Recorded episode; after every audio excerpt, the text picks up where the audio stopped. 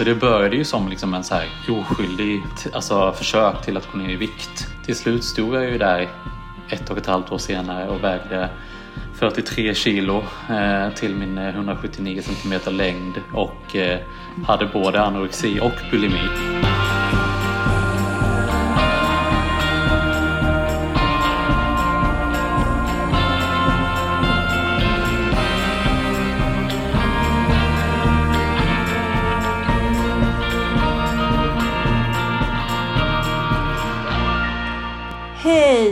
Kära lyssnare! Eh, det är Katti som pratar här. Det här har ju varit en väldigt speciell vecka eftersom den började med att Elin svimmade och eh, ramlade pang bom ner i golvet och fick en hjärnskakning. Eh, jag är jättelättad och glad att hon mår bra och Eh, det ser ut som att vi kan åka till bokmässan som planerat om det är någon som undrar över det. Jag pratade med henne lite tidigare idag. Hon var precis som vanligt. Så skönt. Nu undrar ni kanske om jag sitter här helt ensam. Och eh, det gör jag i min källare. Men i en lägenhet i Linné så har jag en annan samtalspartner idag och det är Hannes Mauritsson. Nu får jag börja prata. Jag har suttit här och hållit andan. Det, det, ja, nej men, eh, det är jättekul att få, få vara med. Alltså, det här är liksom en av de få poddarna jag lyssnar på. Eh, det känns som att det blivit mindre och mindre poddlyssnande men om det är några poddar jag håller kvar så är det liksom alltid hemtrevligt. Så tur i oturen att Elin gjorde sig illa men mår bra idag i att jag får vara här vilket gör mig jätteglad att sitta här och prata med dig Kattis, för jag har ju följt ja. dig länge. ja, men detsamma. Jag ska också tillägga faktiskt, eh, om vi nu ska liksom smöra lite för varandra, att du, du fanns ju med på vår lista över så här, gäster vi vill ha i oh, Gud vad skönt. Det blir bara lite snabbare än planerat. Ja. det gör det lite roligare. Jag kände, när jag lyssnade på Kristins avsnitt för några veckor sedan kände jag bara så här, måtte frågan komma till mig någon dag. Och så kom den. ja, vad fint. Precis, vi följer ju varandra på Instagram och Exakt. har ju också träffats en gång ja, i Varberg. Lämpligt nog. ja, eh, och det, jag tycker alltid att det är väldigt eh, kul att träffa människor IRL för att man får ju en ganska smal bild mm. i sociala medier. Kan inte du börja med att berätta lite grann om vem du är? Jo, det tycker jag är en bra start. Nej, men mitt namn är Hannes Mautsson och som sagt jag florerar ju på Instagram överallt känns det som. Det känns som jag besöker varenda vrå där inne. Men om man ska gå lite mer djupare in på det så är jag 28 år ung, född och uppvuxen skåning eh, som hittade kärleken i Göteborg och följde med honom hit. Eh, så nu bor jag i Göteborg och arbetar till vardags med eh, marknadsföring på Nordiska kök, ett köksföretag eh, och jobbar med Instagram och eh, lite annat som har gått vid sidan om eh, på kvällar och helger. Så det är liksom så här, många tror ju att jag gör det på heltid men det är ett litet sidoprojekt idag. vilket jag förstår själv inte var man hittar all tiden men som många andra som lyssnar på den här podden tänker jag att man man är liksom bara inne i allting och bara kör på. Så jag bor i Göteborg idag i en sekelskiftslägenhet med Robin, min sambo, eller ja, fästman nu, det är konstigt att säga, och två hundar. Oh my så, god, har ni förlovat er? Ja, han gick ner på, så klyschigt nog som det bara är, så gick han ner på knä framför Eiffeltornet i Paris i maj. Så det är så här... så det känns otroligt klyschigt, men eh, det hände.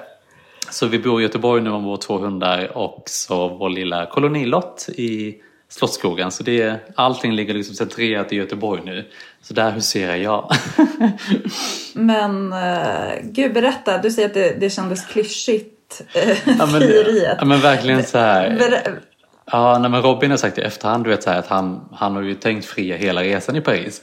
Men alltså, man vill kanske inte göra det på alla turistställen. Eh, och alla, i alla kärleksfilmer så är det alltid någon som gifter sig vid Eiffeltornet eller friar vid Eiffeltornet. Men så var det sista kvällen och han bara så här, jag har ingen annan chans, det måste bli ikväll.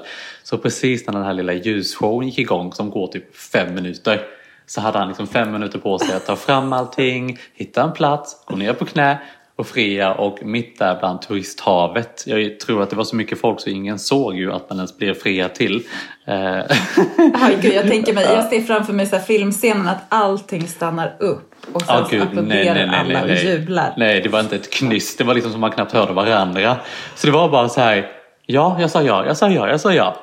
Eh, och sen var det som eh, världens antiklimax. Bara så här. Jaha, nu går vi väl härifrån då för nu, nu, lyser, nu lyser inte Eiffeltornet längre. så det var, det var så här. Ja, det kändes som en klyschig film men eh, det hände. Så det är väl det som betyder någonting. Ja, grattis. Ja, tack.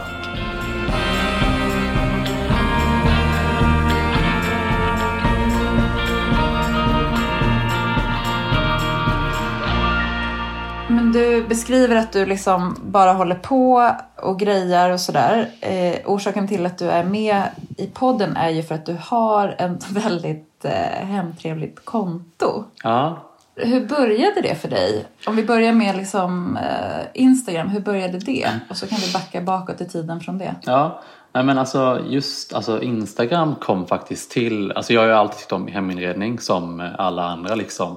Eh, Men eh, jag var ganska snabb. Du, jag tror inte att det är alla andra. Det är väl vi som i vår värld liksom- tänker att det är så. Man, eh, man drar alla på en kant liksom. Nej men eh, alltså, jag har alltid tyckt om inredning men jag har väl kanske känt att jag liksom inte har haft förutsättningarna rent ekonomiskt. Eller liksom bott på den platsen. Jag bodde i Stockholm i en liten etta ute i Huddinge eh, när jag pluggade på universitetet i Stockholm. Eh, och sen köpte vi en ny lägenhet nere i Helsingborg, en CVC-lägenhet. Och då kände jag bara så här, nu kan jag äntligen liksom få ut allt vad jag liksom har velat ha och drömt och sett om på Instagram. Eh, och startade då som många andra gör liksom ett Instagramkonto där man bara så här, följ med på min lilla inredningsresa när jag inreder mitt hem.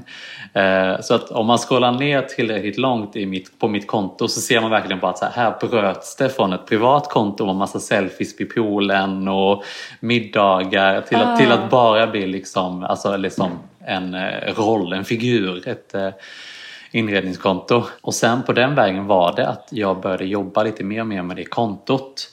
Vilket år är vi? 2019, så fy- fyra år sedan ungefär, eh, blev Ja. det kontot till.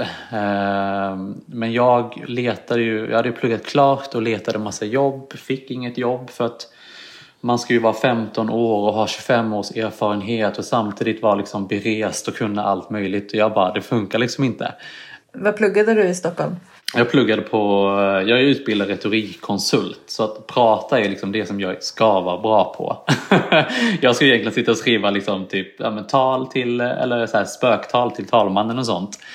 Jag har en gammal klasskompis som gör det. Så, men jag tog en liten annan rutt och gick in mot marknadsföringen efteråt. Eh, men hittade inga jobb och kände bara så här, nej gud jag måste göra någonting. Och tänkte jag att jag har lägenheten, jag har min Instagram, det finns säkert någon väg att gå framåt. Så där stod jag med mina 500 följare som var liksom kompisar och mamma, pappa, mormor, morfar. Och bara började höra av mig till alla möjliga folk för att bara så här, hur ska jag liksom komma igång med det här kontot? Ehm, Så då började jag skriva till till exempel Kristin, alltså Krickelin som var med som gäst i ett förra avsnitt och frågade henne om hon hade några tips. Jag bjöd in mig själv till, henne, till hennes hem för att få tips och tricks. Eh, Jag skrev till eh, Poppy Love You heter hon på Instagram, Malin Dörser som är fotograf och frågade om henne hur man fotograferar sitt hem på bästa sätt. Så att jag verkligen började så gräva där jag stod med lägenheten som alltså bas. Eh, och sen har den liksom vuxit fram med tiden och följarna det också, vilket är jättekul. Men det blir ju överväldigande som du säkert vet själv.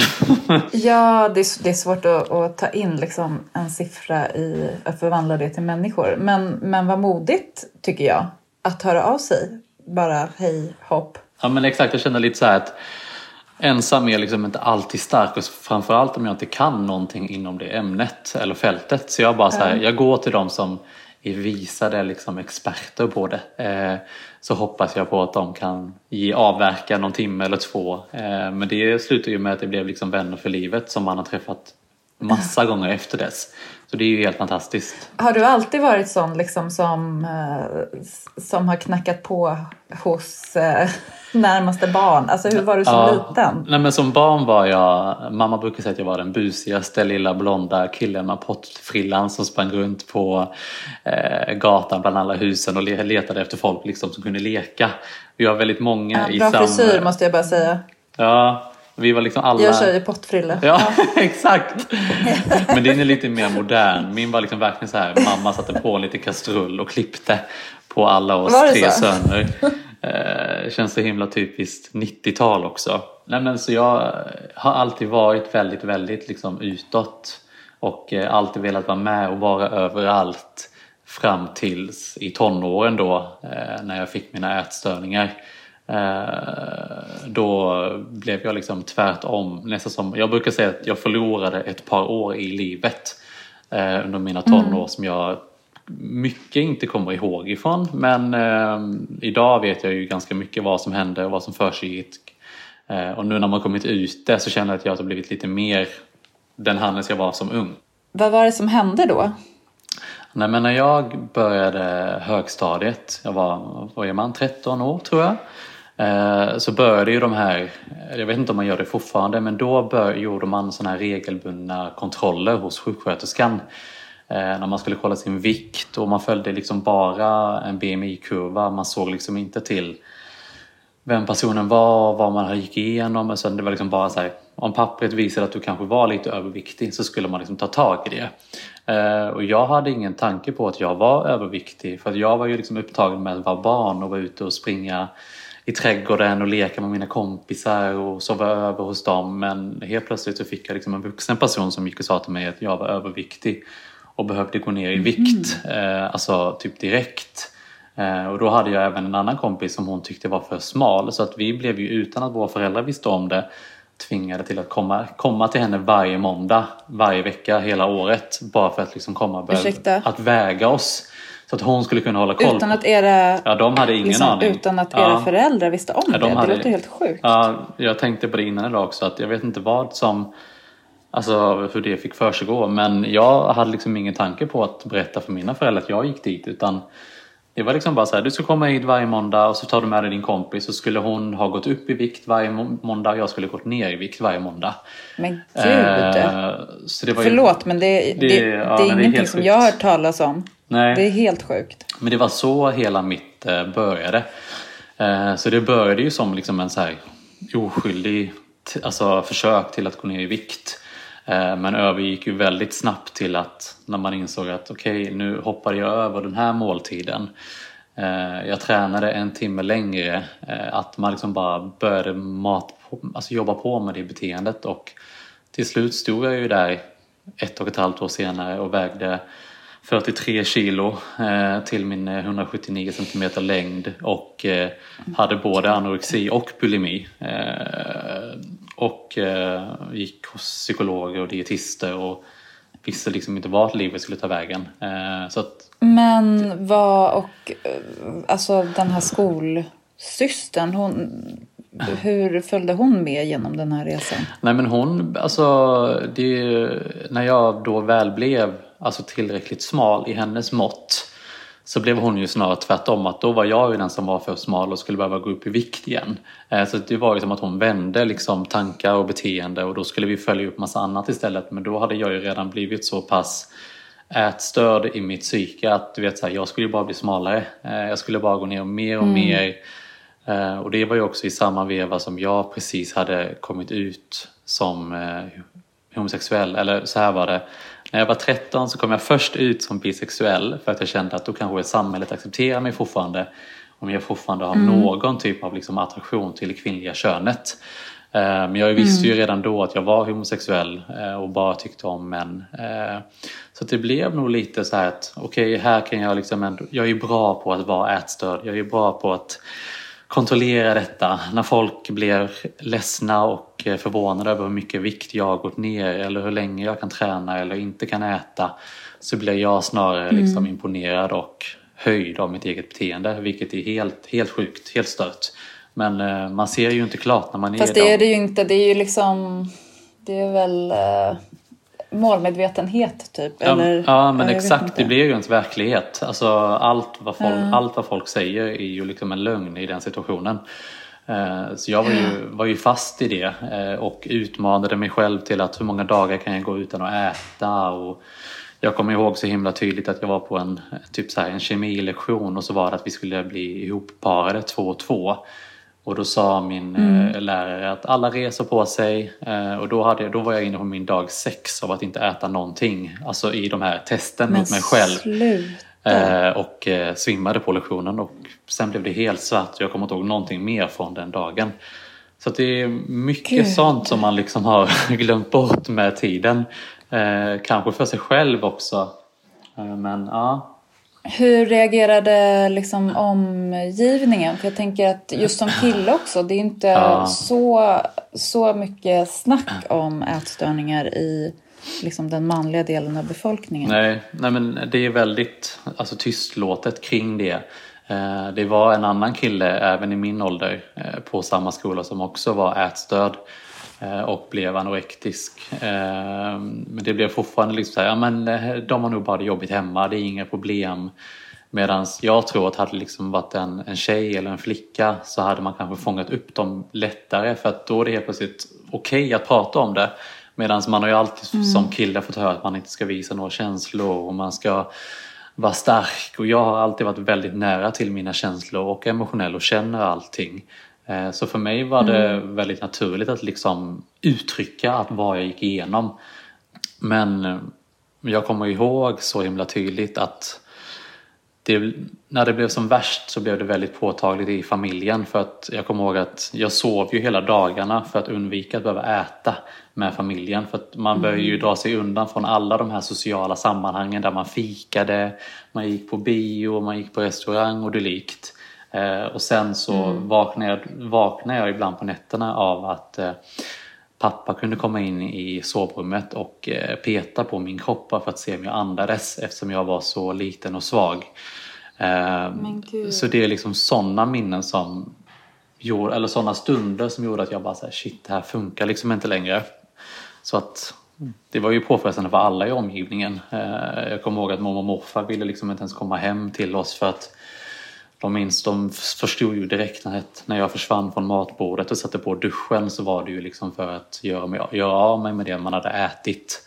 Eh, Och det pågick i några år. Ehm, Så att alla blev involverade. Men alla var lite handfallna omkring dig då? Ja men liksom, exakt. sätt, eller? ja men precis, ingen visste ju riktigt vad de skulle göra.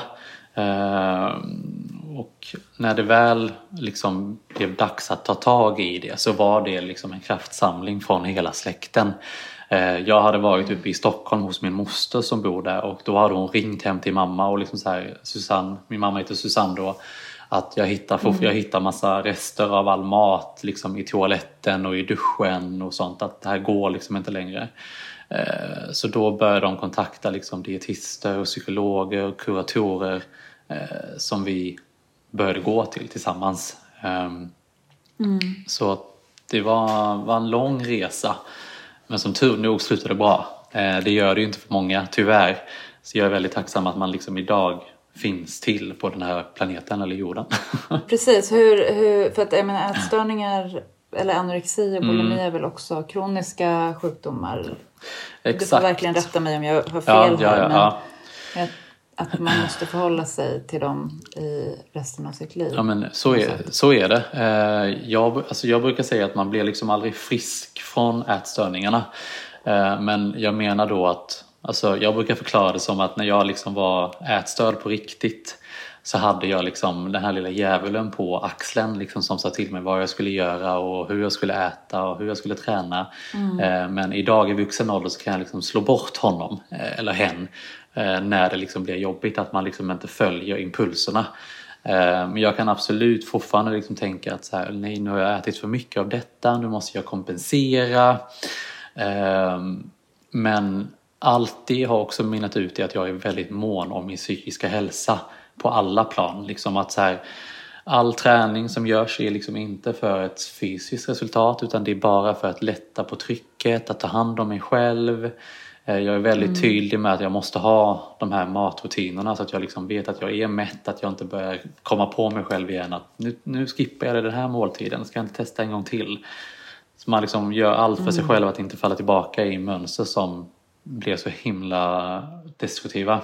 Man kan leva friskt liksom. Ja men exakt. Ändå. Ja! För att alltså, livet är liksom, det finns så mycket i livet som man vill se och ska få uppleva. Så jag känner att så här, nej, jag har liksom förlorat så många år i mitt liv redan att nu får det vara dags för något nytt liksom. Så Ja, peppa peppa ta i trä så har det gått bra nu i fem, sex år. ja. Så det är jättehärligt. Känns det som att du liksom eh, Ta revansch på något sätt på de förlorade åren? Ja men ja, alltså, både revansch men också jag tror att mång, jag har kommit till liksom en insikt i liksom livet att så här, att allt liksom inte är så himla seriöst. Alltså det, är så här, det kunde ha gått så illa som det, som det var, kunde ha gått ännu värre. Vilket gör att jag är väldigt liksom eh, lättsam med att så här, men det behöver inte vara städat där, strunt samma. Jag vill, jag, jag vill göra andra saker med mitt liv än att stå och städa eller hitta på saker. Alltså jag är väldigt, jag ger mig liksom själv en liten break. Alltså, allt behöver inte vara perfekt. Eh, Så jag brukar säga att jag är liksom Nej. gammal i sinnet i den mån att jag har gått igenom livet redan. Så nu passar jag på att forma det som jag vill. Ja, precis. Man brukar ju liksom, ett så KBT-knep är ju att tänka så här, vad, om man är rädd för att göra någonting, vad är det värsta som kan hända? och jag exakt. tänker att du har varit och snuddat vid det värsta som kan hända. Och Precis, och efter det så blir allt, efter det så är det liksom ingenting, alltså saker och ting blir inte så himla viktiga eller på liv och död längre. Eh, och det är väl Nej. det som är kanske den bästa läxan, för att det mynnar ju ut i allt jag gör, allt jag tänker. Att livet liksom ja, är precis. så himla skört och att man, ja, man lever bara en gång, vad man vet i alla fall. Så varför inte passa på att liksom fånga allt man kan?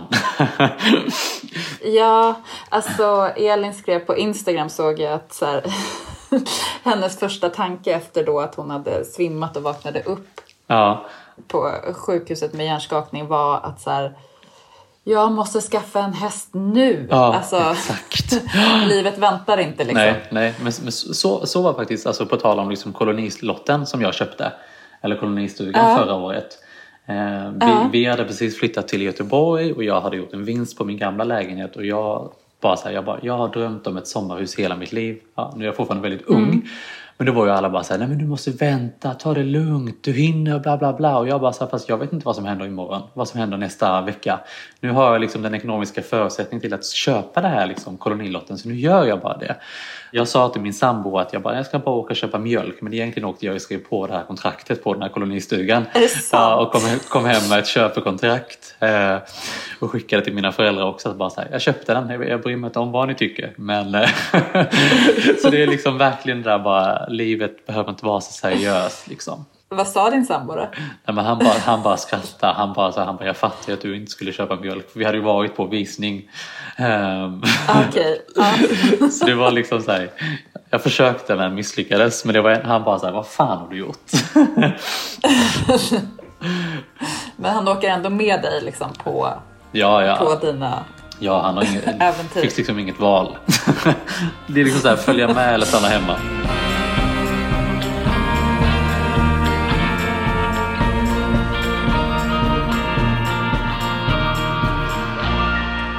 Men du, eh, tillbaka till barndomen då. Hur såg det ut hemma hos dig? Och eh, är det något som du liksom har tagit med dig som hemtrevligt?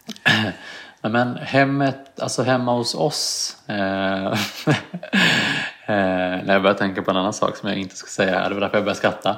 Eh, nej men hemma hos Jo, oss. säg det, säg det, säg det. det kommer med historien.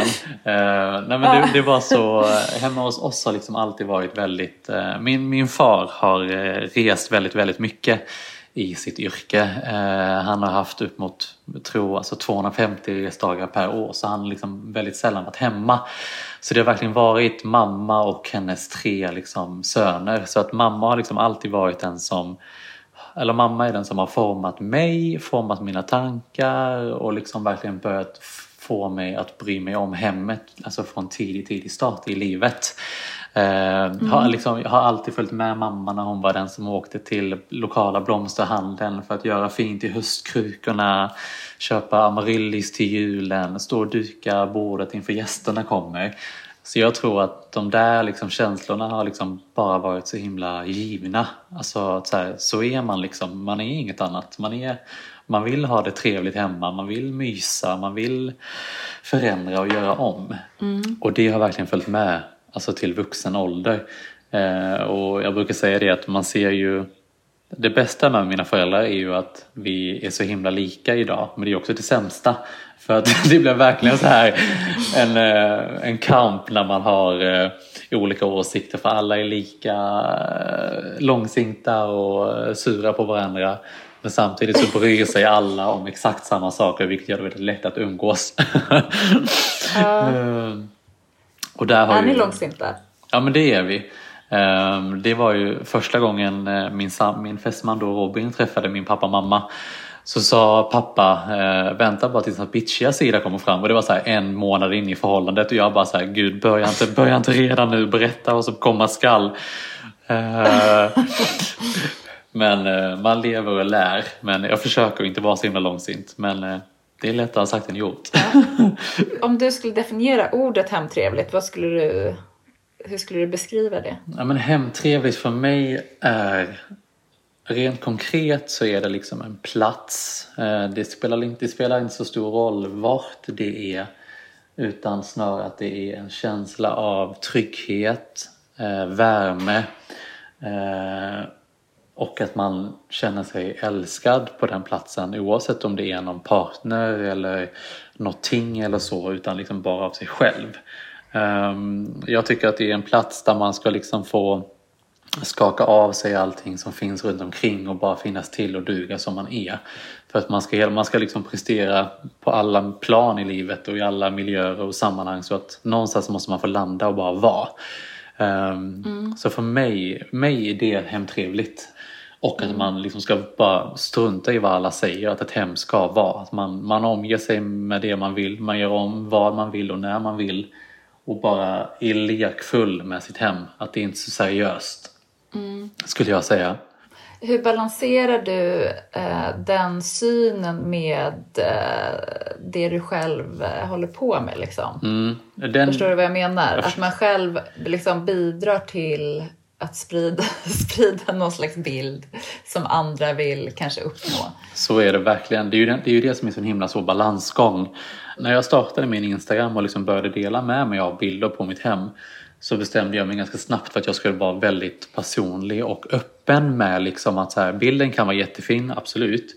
Men det ska ändå finnas någon, mm. det ska finnas någon mening i texten som man läser så att det blir liksom ett komplement. Uh, så därför mm. försöker jag vara väldigt tydlig med att så här, hör jag en dålig dag då får, liksom, då får mina följare, för, alltså, då vet de det.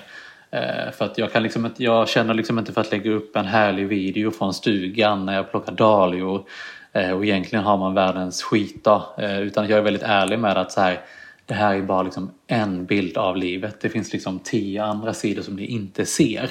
Mm. Men sen finns det många som fortfarande tycker att liksom det inte är tillräckligt. Och det är ju många gånger folk bara så här, kan du inte bara visa din liksom eh, fulla tvättkorg? Då blir jag så här, fast för mig, alltså jag vet, alla vet redan att det finns en tvättkorg i alla hem. Jag vill liksom inte publicera en bild på min tvättkorg. Jag, jag, jag, jag ser ingen annan som gör det. Alltså, kan vi inte bara Nej. förlåta det vackra vara vackra? Eh, och sen att man kanske är ärlig och transparent med att det ofta är konstlat.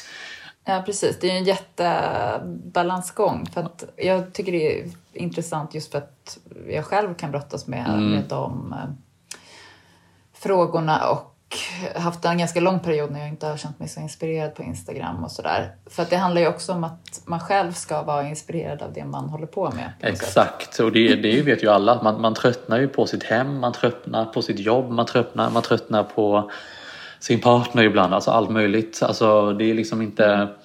Men på Instagram så är det som att man alltid ska vara på topp hela tiden. Det ska liksom vara ett nytt toppinlägg efter varandra fem dagar i veckan. Och så kan man alltid se någon som har köpt den där saken som man själv letar efter på loppis. Eller någon som har flyttat dit som man själv vill flytta. Ehm, Jag tror att det kommer väldigt, väldigt mycket negativt med Instagram. Så därför är jag väldigt tydlig med att här, man får avfölja folk om man inte känner att det passar i ens liv just nu. Eh, Att man liksom vänder blicken till när det börjar kännas för mycket. Eh, Jag har haft väldigt många folk som har skrivit till mig typ så här. "Eh, Hej Hannes, jag vill bara fråga, jag fattar inte varför du har avföljt mig på Instagram. Jag tycker att det är så himla oschysst och na, na, na, na. Och då, du vet så här, då blir jag bara så här. "Åh, ska man börja ta tag i det här också? Och då är jag bara så här, fast vet du vad, just nu passar liksom inte kanske Alltså din Instagram mitt liv för att jag är på en annan plats. Men det betyder liksom inte att jag inte tycker om dig som person. Eh, utan vi kanske ses längre fram igen. Jag vet liksom inte. Jag tror bara att vi måste bli lite mer lättsamma mot varandra. För att vi låter den plattformen prägla oss så himla mycket när det egentligen bara är liksom ett nålsöga av verkligheten. Ja men verkligen. Det är, särskilt kan jag känna liksom, i och med pandemin och sådär Mm. när det blev en mycket större del av eh, ens sociala liv på gott och ont. ja, exakt. Har du ställt in att du eh, har en begränsad tid som du är där eller hur hanterar du det i din vardag liksom, när du ändå har ett annat jobb också och Ja, saker på gång? Men den, den är ganska, den är ganska, vet du det? Det det brukar jag säga till min, alltså Robin då, min sambo, för att det är så himla tydligt att han kan vara inne, ibland när vi typ ska gå och lägga oss så kan han vara typ så här, han öppnar Instagram, sen öppnar han Facebook, sen öppnar han Twitter och så, vet, så här, när han är klar så börjar han bara om. Och jag bara så här, vad hinner hända på den minuten som du måste se? Eh, Medan jag tror att, eller för mig är det lite att så här, i och med att jag jobbar med sociala medier både i mitt nu gör jag citattecken eller fingertecken, riktiga jobb. Eh, så blir det också att säga, okej den arbetstiden är liksom till för att göra arbetssaker. Det är liksom inte att publicera ett, ett bakverk eller så. Eh, utan det är liksom riktiga saker om man säger så. Och sen så när jag ska jobba med mitt eget konto så blir det också jobb. Så att när jag, när jag liksom har varit inne och nätverkat så blir jag verkligen bara så här, jag vill inte se den telefonen. Jag vill inte se den appen. Eh, utan det blir väldigt bara så här, gud jag kräks på det. Så då är jag ju inne på Pinterest istället till exempel och bara pinna bilder och spara för liksom eget bruk. Så att man liksom inte råkar uppdatera flödet och så försvann den där bilden som man ville kolla på för att algoritmen kastade den åt något annat ställe. Alltså, så det, eh, mitt privata konto är verkligen typ bara jobb, jobb. Eh, Jag brukar säga det att hade, hade jag inte jobbat med det så hade jag nog inte varit, varit där inne 100%, alltså 90% av den tiden jag är idag. Utan då hade jag nog bara verkligen kollat in då och då. Jag kan känna ibland att jag inte vet om jag skulle varit där överhuvudtaget. Nej, Men exakt. det är väl bara för att man har så här Man- överdoserat. Ja, nej, men så är det ju. För jag, jag kan komma på mig själv ibland typ så här när jag är ute och går med hundarna eh, så tar man upp telefonen och passar på att svara på kommentarer eller någonting. Oj, nu, Hej hundarna! Nu kom det post. eh, nej men du vet, så, här, så glömmer man bort att man bara så här Just det, det finns en omvärld också och här går jag och kollar min telefon. Eh, den finns liksom kvar sen. Men de här fladdrande Ja. höstlöven kommer liksom kanske inte blåsa imorgon. De kanske de har blåst ner. Så att Ja, precis. Ja, jag tror att man... eh, Jag suktar mer och mer mot liksom, den riktiga världen. Eh, Och kanske försöker ta mig lite ifrån den digitala. Men sen är frågan hur eh, och när. Det vet jag inte. Mm. Vi får se. Ehm, vi får se, precis. Jag tänker att stugan kanske är alltså en trädgård. Det, det är något som måste tas om hand kontinuerligt. Ex, exakt. Jag, jag sa ju emot mig själv väldigt snabbt att jag var ju så här att stugan ska bara vara en plats liksom för avkoppling och att, och att, man delar med sig kanske av några bilder då och då. Eh, men att det ändå liksom ska vara, få vara liksom ens privata sfär på något sätt. Men sen var, det, sen var det bara så här, så fort jag hade skaffat den stugan så ville ju företaget som jag jobbar med, de ville ju helt plötsligt byta från lägenheten till stugan. Så alla jobb blev ju helt plötsligt där. Och då var jag bara så här, ja jag ger ju de här kontrakten redan, jag måste fullfölja det här. Så då blev det så här, du vet, när man åker dit på helgen så blir det ändå att man spenderar en halv dag på att plantera om någonting för att fota någonting eller göra någonting. Eh, och, sen bara, och sen märker man att ah, det var det här som gick bra på Instagram, då fortsätter jag med det och så liksom glömmer man bort allt som man har lovat sig själv och tycker att man är en Ja. idiot. så himla lättpåverkad eh, av mitt eget eh, yrke. Vad säger din partner om det då? Nej, men vi brukar säga så här. Det vi gör idag är väl kanske mer av en investering för om ett par år fram och då menar jag ju med mitt företag vid sidan om. Eh, Det är ju tack vare de samarbetena som vi har vi har haft råd att köpa den stugan och kunna underhålla den och eh, nu eh, kunna köpa ett hus framöver. Eh, så att lite att Va? så här, ja, Ska ni köpa ett hus? Ja, det, det är nästa mål. Eh, vi ska kolla på ett på lördag så jag håller alla tummar på att det känns rätt. Herregud. Ja. Nej men så att eh, vi kämpar på nu så att vi kanske kan skörda från det ännu mer längre fram. Eh, Men sen eh, som sagt så, jag menar på tal om kreat- alltså kreativitet. Jag har ju inte fotat någonting nytt typ på tre veckor om det inte är så att det skulle varit ett jobb. För att jag bara så här, jag har ingen lust, ingen inspiration. Man kommer in i den här lilla efter sommardeppen som jag ibland får, en sån här liten dipp. Så jag är ju bara så här, Ja. man lä- lägger upp gamla bilder som ingen har sett men det, är- ingen har, de har ingen aning. Folk tror att det liksom är från förmiddagen och tycker att Ja. det är fantastiskt men egentligen så är det liksom en månad gamla bilder. Så att man kan ju Ja. lura ögat liksom, betraktaren. Så det är också Ja, lite precis. läskigt. Man lu- Man lurar andra samtidigt som man själv blir lurad av alla där inne. Ja, ja, men så är det ju. Det är liksom, det ska man ju vara 100% medveten Ja, om. ja. Man är liksom, det är liksom en dålig spiral som man har simmat in i som man, Ja. inte, man inte kommer loss från.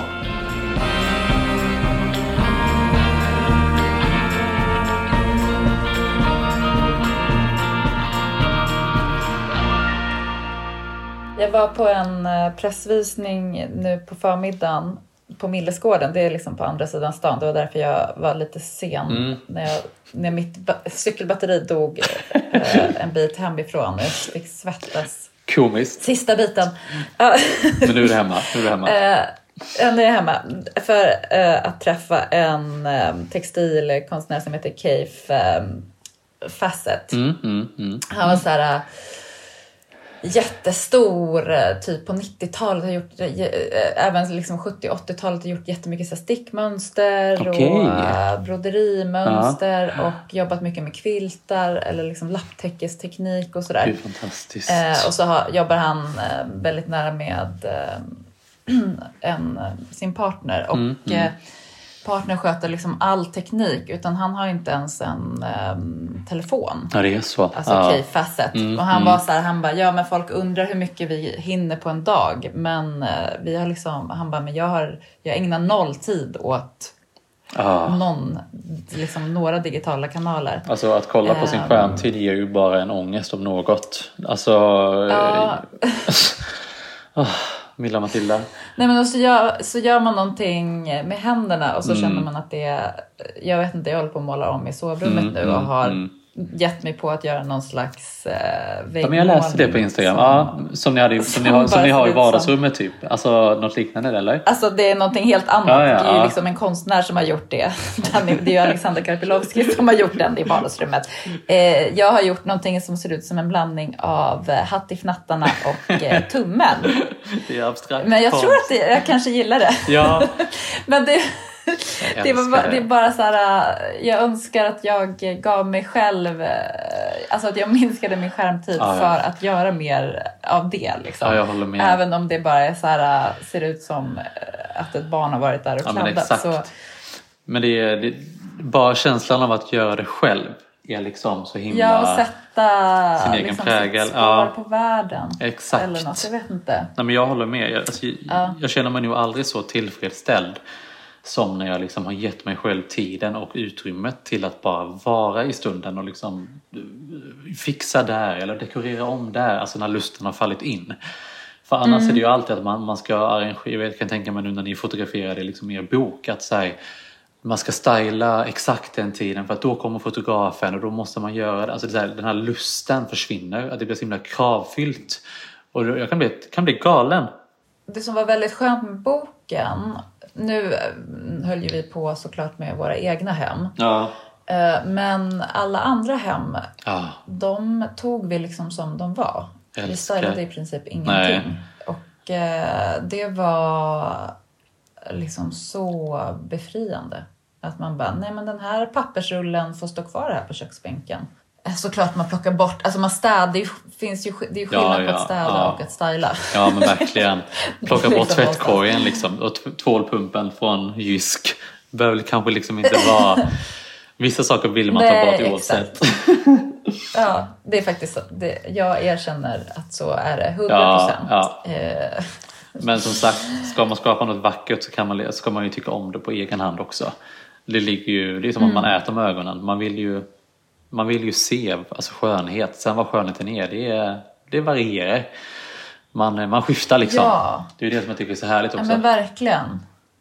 Nej men så tycker jag att jag håller på hemma nu är ju Mm. för att det är så här. äh, Jag började med en förändring och sen så har inte den landat i Nej. nästa steg. Nej. Och det har tagit ett och ett halvt år nu. Ja, Eh, för att det är så mycket, du vet vi köpte ett missionshus och barnen och hej och hå liksom. Så det är ju liksom som ett på, pågående sökande efter eh, harmonin. Att man, för det enda jag vill är att, ha, att, att komma hem och känna den här totala ja avkopplingskänslan. Ja, få och vara. det gör inte jag om det är någonting som liksom skaver, på fel Nej. sätt. Men så har, vi, så har vi här hemma just nu. Vi, vi gjorde ju det här misstaget att när vi flyttade in så var vi så här, "Nej, men vi lämnar kontoret till att göra det sen. Eh, och nu har man beställt Mm. de här platsbyggda garderoberna som tar typ 16 veckor liksom, att leverera. Så när jag kollar till höger nu så ser jag ju bara liksom, all skit som står öppna hudplan och man bara säger jag vill bara få bort detta för det, är- det är det som stör mig mest i det här hemmet. Eh, Så att den här, det här skavet liksom, eh, jag tror ju att det kommer alltid finnas där. För man, så fort man är klar så hittar man något nytt. Det är väl det som är också det härliga Precis. med sökandet, att det tar ju aldrig slut. Man hittar ju bara nya sätt att söka på. Ja, ja. Och det här skavet, alltså Ja, jag är ju ja. 100% förespråkare av att det ska finnas ett skav. Det ska Ja. vara något som inte riktigt passar in. Liksom, Nej, och, håller- och, och håller med. saker som finns där av emotionella skäl och Exakt. liksom det som är livet. Men, Men det- när det inte... det var liksom, jag fick- jag fick ja, Det är ändå ju- känslan man letar efter. Ja men exakt, men jag, jag gjorde någon intervju för Aftonbladet för några veckor sedan där de frågade det var- vad kallar de den stilen? Cluttercore typ att, så här, att man har mycket saker framme liksom. eh, och de bara, nej men du, du är en bra förespråkare för det bla bla bla. Jag bara, ja men jag kan svara på några frågor, det är liksom ingen fara. Och så när väl artikeln kommer ut så var det bara så här Eh, experten säger att vi ska ha det stökigt hemma igen. Jag bara såhär, fast det var inte det ni sa eller jag sa. Alltså jag, det vill säga, jag blev så himla irriterad. För jag bara så här, alltså, det var som jag sa, jag bara cluttercore för mig är ju att man slutar ta bort det man tycker om i hemmet och liksom låter det stå framme för att man själv gläds av att se det. Men då var det ju direkt det här Ja. att man ska ställa det mot minimalism och jag bara så här, "Ja, fast det är inte det som är meningen. Kan vi inte bara få vara som vi är? Men eh, kan du ta med dig att du blev kallad för expert i Aftonbladet? Det är Ja, ändå... ja, om, om det är. Aftonbladet vet jag inte men eh, Men det är det är Men det komiska är ju att de byter ju, de bytte ju rubrik typ tre gånger Så helt plötsligt så var det ju så här att sam, alltså min sambos kollegor var ju så här Jaha, är det du som är den stökiga hemma Robin? Är det dig som Hannes pikar om i artikeln? Och jag bara, jag sa inte ens det där. Alltså, det är Nej, så här, ja. man, man tappar hoppet ibland. Men eh, ja, saker som man tycker om i alla är, de ska stå framme tycker jag. Annars är det en waste. De ska stå framme. Ja, håller med. En, en av mina följare beskrev min stil någon gång som så här eclectic minimalism. Och det Ja. tyckte jag var så himla bra. Att Ja. det, är så här, det är utvalt det. men en galen salig blandning. Ja, men exakt. Alltså, och det, i det utvalda så blir det någon slags renhet på något sätt. Ja men exakt, det är ju som när folk frågar så här, ja men eh, hur gör jag detta, hur inreder jag detta? Och du vet, jag, alltså, jag vet ju själv inte ens det svaret. Jag brukar liksom bara säga att så här, Alltså att man har liksom en inre kompass som egentligen säger till en att bara säga nu blev det rätt eller nu blev det fel. Och då får man bara lyssna på den. Eh, och antingen börja om eller tweaka eller bara säga ja fast nu får kompassen vila, den är ur funktion för att det är andra saker i livet som är jobbiga. så, man liksom inte Ja, blir så, så man inte blir helt galen på att man måste lyckas på första försöket. För det tror Nej, jag är gud, det det är ju en kunskap. Ja, exakt. Det är verkligen alltså, trial and error, testa sig fram. Jag kan inte veta hur många Ja. gånger jag har gjort fel i mina andra hem för att man har kopierat något man har sett på Instagram och sen inser man att så här, Jaha, nu köpte jag den soffan men jag har inte plats för den. Alltså du vet, man tänker bara att allting är snyggt för att det är hos någon annan. Ja, ja. Eller att man bara så här, åh, men jag tycker att det är fint med eh, ett jätteminimalistiskt hem och sen Ja, så bara, exakt. nej men det blir inte fint Nej. när jag gör det. Nej, det, Liksom, det är nej inte jag. exakt. Jag Det trivs inte då. jag behöver mycket saker.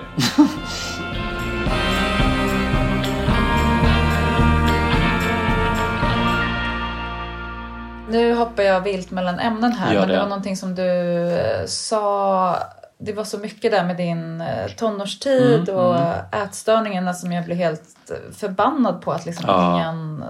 Alltså dels att de liksom framkallas av Folk som, ska ta, skolan, folk som ska ta hand om en egentligen. Liksom. Och att sen de inte fångar upp en och räddar en liksom på något sätt. Alltså det ja, mycket... Där finns det ju verkligen... Där kan du... Ut, ut på en eh, föreläsningsturné känner jag. Ja, du ja. borde prata med Stina Wolter. Ja, typ. gud ja. Hon är så himla cool. Jag älskar Eh, henne. Ja, men då nämnde du också att du först kom ut som bisexuell. Mm, mm. För att fortfarande vara liksom accepterad av samhället. Och sen Exakt. så tror jag att vi bara... Eller jag tappade bort den frågan. Mm, mm, mm. Vad hände sen? Nej men alltså jag visste ju redan från början att jag, alltså, jag, jag kom ut som väldigt ung eh, när jag var 13 Ja. då. Jag visste ju om att jag var homosexuell.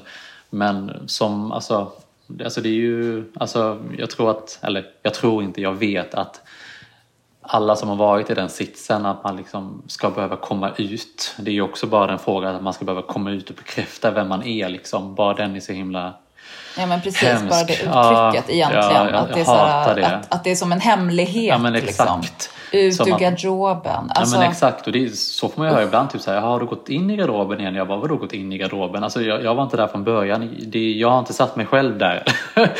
Ehm, Nej, exakt. Eh. Alltså, det är ju verkligen ett, ett förlegat språk. Ja. Bort med det nu. Jag blir gal- genast. jag galen hoppas verkligen att, att den generationen... Alltså jag ser på mina egna barn. Ja. De, för dem är det liksom inte en fråga. Alltså frågan är så här, gill, jag gillar en kille eller ja en tjej. exakt. Och, ja, Nej, är det, det- en hon eller en han Ja. eller en hen eller vad? Alltså, Jag såg, någon, jag, jag såg på någon, på tal om det, jag såg någon dokumentär där de hade liksom satt typ så här två sexåringar bredvid varandra som liksom är helt olika. Någon kanske någon är mörk, mörkhyad, någon eh, är vit, Mm. det var någon som, satt, någon som var funktions, funktionsnedsatt och det var någon som liksom stod och sparkade fotboll. Och så frågade de så här, du vet så här, vad skiljer er två åt mest? Så var de liksom så här, hon gillar inte köttbullar men så är det att hon kanske sitter i rullstol egentligen. Så jag bara så här, jag Mm. bara, de har liksom ingen aning för som börjar bli präglade av liksom folk i samhället eller så. Eh, Vad vi säger ja, är exakt. olikheter. Ja, precis. Det blir så himla tydligt att de är så himla oskyldiga. Eh, Ja, gud. Eh, nej men på tal på, tillbaka då till frågan. Eh, nej men då, då kände jag lite så här att okej, för, att, för att våga komma ut till min familj och mina vänner så vill jag ändå liksom ta ett första säkert. Alltså jag vill, jag vill liksom börja tippa på ämnet. Och då kom jag ut som bisexuell först bara för att tänka att då som sagt att då är man ändå liksom med i den heterosexuella normen, att man tycker om kvinnan, det motsatta könet. Eh, och att man då kanske bara är lite mindre konstig för att man gillar män också. Ja. Men visste ju, visste ju väldigt snabbt att bara säga, nej men jag är liksom homosexuell, alltså vad håller jag på med? Så jag kom ju ut när jag var 13 och sen kom jag ut en gång till när jag var 15. Eh, Och hade träffat min första pojkvän, första kille som jag tyckte om. Eh, och, då, och då var ju föräldrarna, du vet, så här, det är så himla typiskt att ah, vi trodde det var en fas bara, vi väntade på att du skulle komma över den. Alltså bara det där uttrycket. eh, Ja. Och det är så här, alla som jag känner som har, liksom, har liksom den storyn också. Eh, att man bara tror att det är en fas eller folk runt omkring en. Och då blev jag liksom den här småstadskillen i en stad på 30 000 människor som var liksom öppet ute. Eh, och sen hade man anorexia och bulimi på det. Så att man hade liksom egentligen alla fel. Alltså man hade alla anledningar till att hata på en eller tycka att den personen var udda liksom. Och det märktes ju i skolan. Eh, att folk liksom uttryckte skällsord mot den och man fick inte vara med. eh, Var det så? Ja, det var massa sånt. Eh, Man fick inte vara inne i matsalen för att man var ätstörd och folk skrek bög Vadå efter att, en. att liksom klasskompisarna sa det? Ja men eller? exakt klasskompisar och folk i parallellklasser och Eller att- kompisar var ju Ja exakt, ord. kompisar. Ja precis. De som man ville vara kompis med snarare för att man hoppades på att bli accepterad. Uh, nej, men fälleben och du vet så här, man fick inte vara med, man blev inte vald på gympalektionerna för att man var ju bög. Då kunde man inte vara med killarna för då skulle man förälska sig i dem, alltså tyckte de hockeykillarna. Alltså du vet det här som man bara inte tror liksom händer på riktigt när man är vuxen händer liksom. Eh, så det var... och, Gud eh, Hannes, det gör verkligen så ont att höra. Ja. Nej men så... Nej, men liksom, det gör ont för dig och det gör ont för liksom alla barn som måste, alltså att vara människa. Liksom. Ja, men det, det är ju, alltså att vara människa är liksom alltså, jättesvårt på så många plan. Eh, jag kan ju vara typ så här, du vet, ibland när man, går, när man ser en äldre man som är ute och går så börjar det liksom störtregna och jag bara så här, där går han med sin käpp och kämpar hem liksom i störtregn, alltså i spöregnet och jag bara så här, Ja. han bara kämpar på att ta sig hem och så blir jag helt blödig och så, det så här, Ja, jag så- vet. alltså, jag blir, Likadant att jag får så här tår, tårögd. ja, men jag blev, jag, jag blev liksom, Tyvärr mest, det har jag verkligen tänkt på att det är ofta är liksom gamla män just. Ja. Gamla kvinnor känner jag så här, de, de är så jävla kompetenta. Exakt, men det är just De det. gråter inte Nej, men- jag för lika, Nej, lika men, men, men där tror jag verkligen bara så här, de bara så här, de kvinnorna har varit med om allt för att samhället har satt igenom dem allt. Så de bara så här, vet du vad, jag kan ta lite till. Medan männen bara så här, oj, nu ska jag behöva ta hand om detta på egen hand. Eh, nu ska jag göra det här, oj, nu händer detta mig. Alltså då är helt plötsligt allting så himla synd om dem. Och då blir jag också bara så här, ja, det är synd. När man då ser en Men det är synd om 85-åring. dem och sen så ja, blir jag ändå arg. förbannad liksom. Nej, Ja, för att jag exakt. tycker synd om honom. Ja men så är det. det är som, vi brukar skämta om det, typ så här, jag med, alltså ens tjejkompisar bara så här, ja, fan vad vi hatar våra män, fan vad vi hatar män. Så brukar jag säga så här, ja, men jag får säga det bara för att jag är halvkvinna liksom, i och med min läggning. Så det är, man hittar liksom alla ingångar till att få prata. Ja, men då var du i alla fall supermobbad under Ja. dina tonår, låter det som. Ja men det var jag. Eh, och du vet så här, man kände liksom aldrig den här känslan att man liksom passade in verkligen som det brukar vara på filmer. Så jag beslutade mig Ja, väldigt... man brukar i alla fall hitta ett gäng till Ja. slut. Det ska ju sluta lyckligt. Ja, exakt. Jag, jag trodde ju att jag gjorde det, men sen blev det ju det här typiska tonårsbeteendet att vet så här, ska du vara vän med den personen så får du inte vara vän med den personen och då blev jag den som kom tillbaka till skolan efter två dagar sjuk eftersom jag hade mina ätstörningar.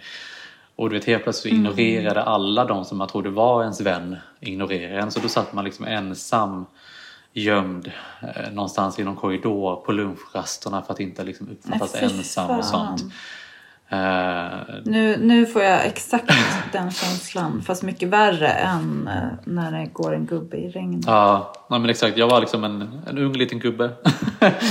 Ehm, som kämpade. Nej men, eh, nej, men så jag, Mm. kämpade. Ja, nej men, så, men då fick jag också väldigt mycket liksom en kämpaglöd att bara säga fan jag ska bevisa dem alla fel liksom.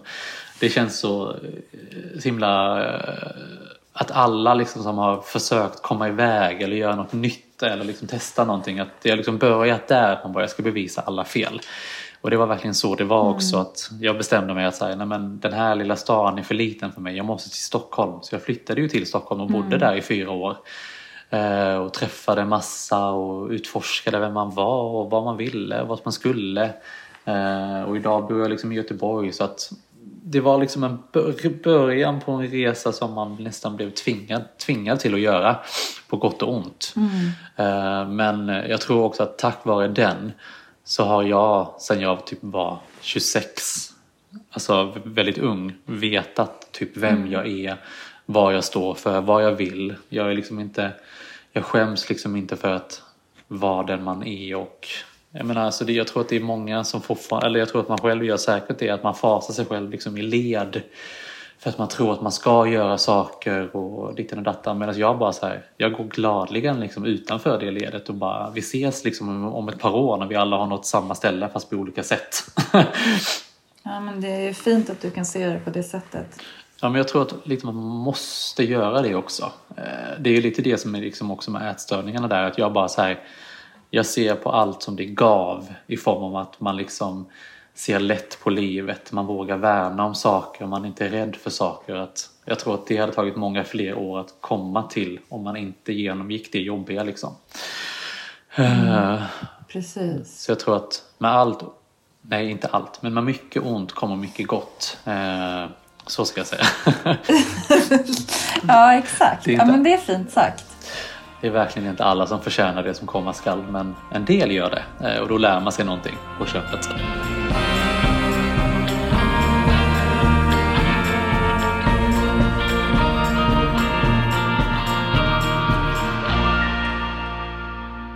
Det hade varit ett fint eh, ställe att avsluta, men först vill jag veta vad du just nu sparar i dina Pinterest-mappar. Ja, gud, nu sparar jag massa olika husfasader, exteriöra bilder, bara för att jag drömmer om vårt framtida hus, vad det, kom, vad det ska bli. Eh, och det är ju allt... Va, va, varför drömmer du liksom om ett hus? Nej, men jag, har, alltså, jag växte ju upp på den skånska liksom, slätten i ett hus med liksom, öppna fält runt omkring. Eh, du vet bara det här att man kan gå ut i trädgården. Och jag tror att, jag vet inte om det är sant, men jag tror ju att det är lite en föreställning av att livet ska vara så himla härligt då. För att vet, man kan bara släppa ut hundarna, man kan själv gå ut i trädgården och bara lägga sig i gräset och kolla upp i himlen. Och jag tror att jag mycket romantiserade. Men sen tror, vet jag också Mm. att det är det enda jag inte har testat än så länge. Alltså i liksom Mm. boendeväg. Så att nu vill jag testa och se om det är någonting för mig också. Men sen är jag ju väldigt kluven till så här, är jag en stadsmänniska? Är jag en eh, landetmänniska? Är jag något mitt emellan? Eh, så man har ju verkligen inte alla svar. Men som sagt, som Elin sa, du vet, så här, jag måste ha en häst nu. Jag är likadan med att jag måste ha ett hus nu för att testa om det är rätt. Annars vet jag det. Alltså, annars kommer jag bara gå och tänka på det. Eh, och jag, och det är ju, jag är jättetacksam för att man har möjligheten till det. Det är liksom inte att man liksom inte är nöjd med det man har. Men eh, jag gillar att tänka framåt och ibland för mycket. Så ja, vi får se. Men eh, det är hu- husfasader, det är mat och sen så är det mycket mysiga höstbilder. Bara för att komma in i höstkänslan. Att man liksom har öppen brasa, man ser de orangea löven när man är ute och går. Så det är liksom mer sådana stämningsskapande... Är Exakt. det det som liksom inspirerar dig mer än typ så här ett rum, en Ja. soffa? Jag jagar alltid liksom en stämning. Eh, och det har, också, det har liksom med den här lilla inre kompassen att göra. Att olika föremål bidrar med olika liksom känslor, sammanhang. Eh, jag menar det är så många saker som jag har köpt för att jag har sett det i folks hem och bara så här, det här kommer fullända vardagsrummet.